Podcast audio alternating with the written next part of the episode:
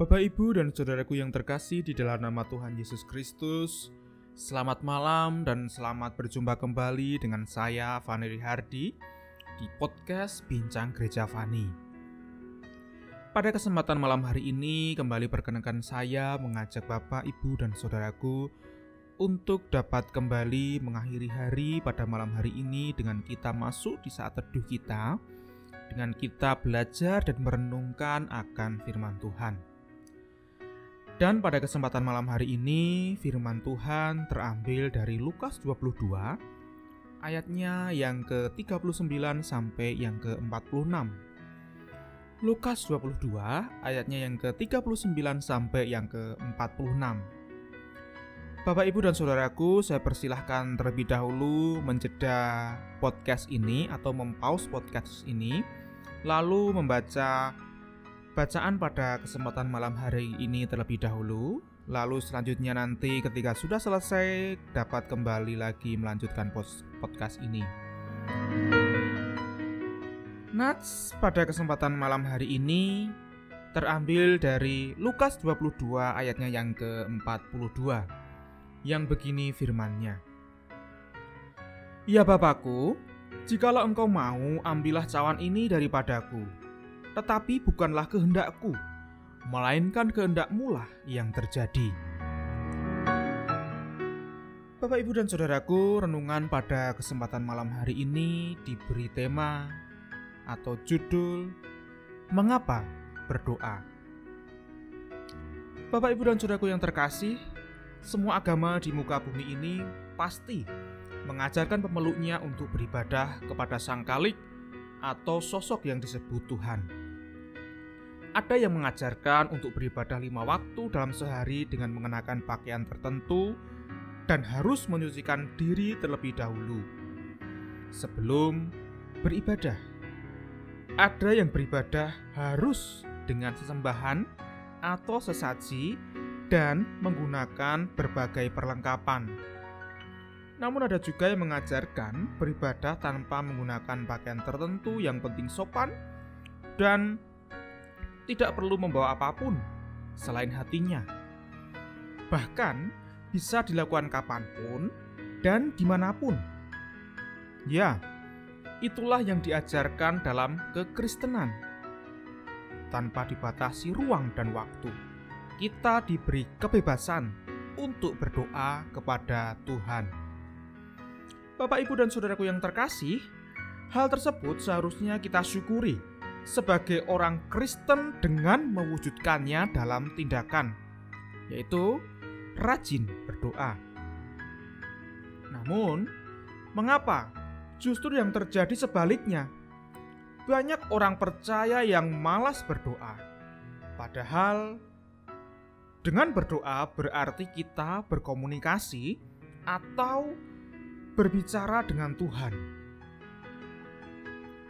Alasan terbesar orang percaya malas berdoa adalah lantaran tidak sabar menanti jawaban Tuhan atas doa-doanya.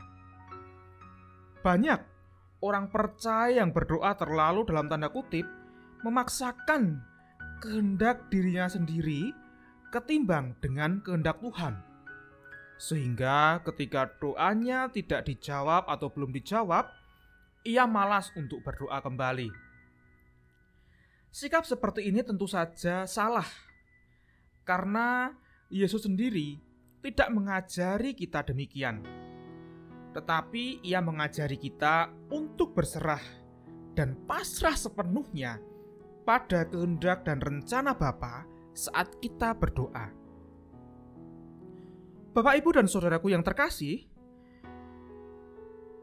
berserah dan pasrah berarti membiarkan Tuhan bekerja dengan caranya dan tetap bersyukur sekalipun jawabannya atas doa-doa kita tidak sama seperti yang kita inginkan atau tidak sesuai dengan ekspektasi kita.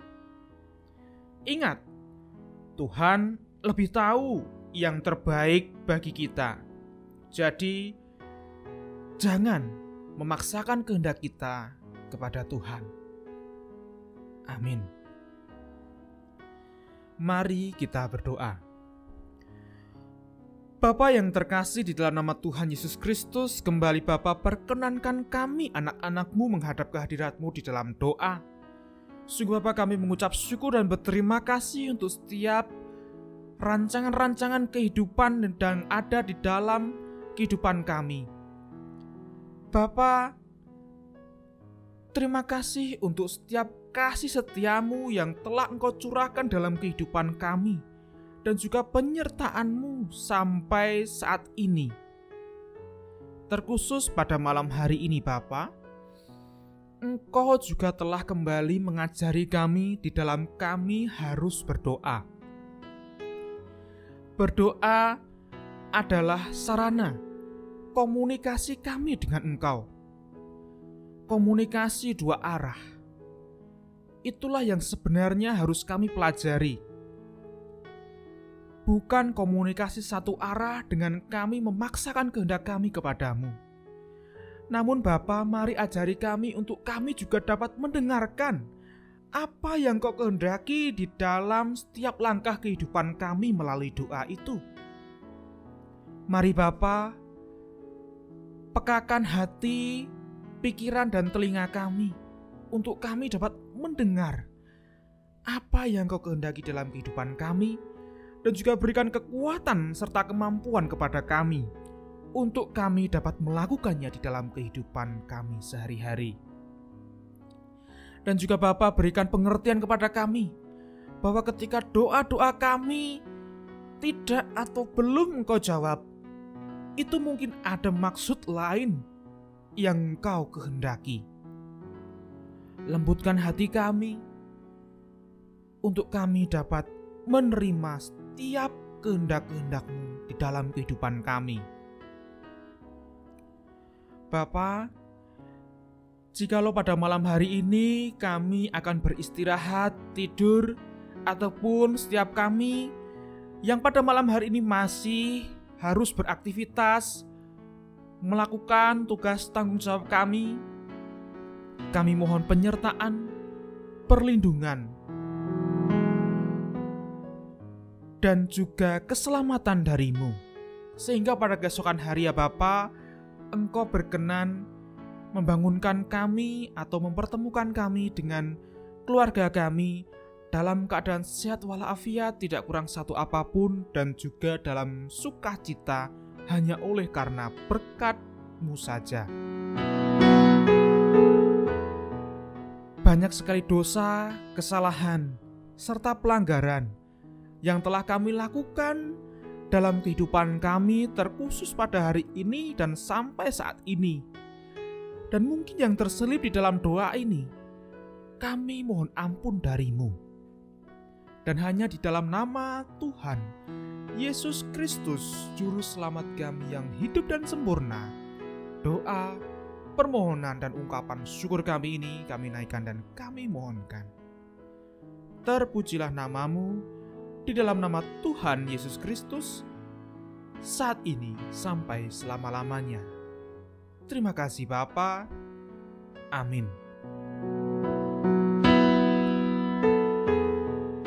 Begitulah renungan pada kesempatan malam hari ini Bapak Ibu dan Saudaraku yang dapat saya sampaikan banyak kekurangan ataupun kesalahannya saya mohon maaf yang sebesar-besarnya. Dan sampai bertemu di podcast-podcast saya selanjutnya. Selamat malam, selamat beristirahat ataupun beraktivitas. Kiranya Tuhan Yesus memberkati.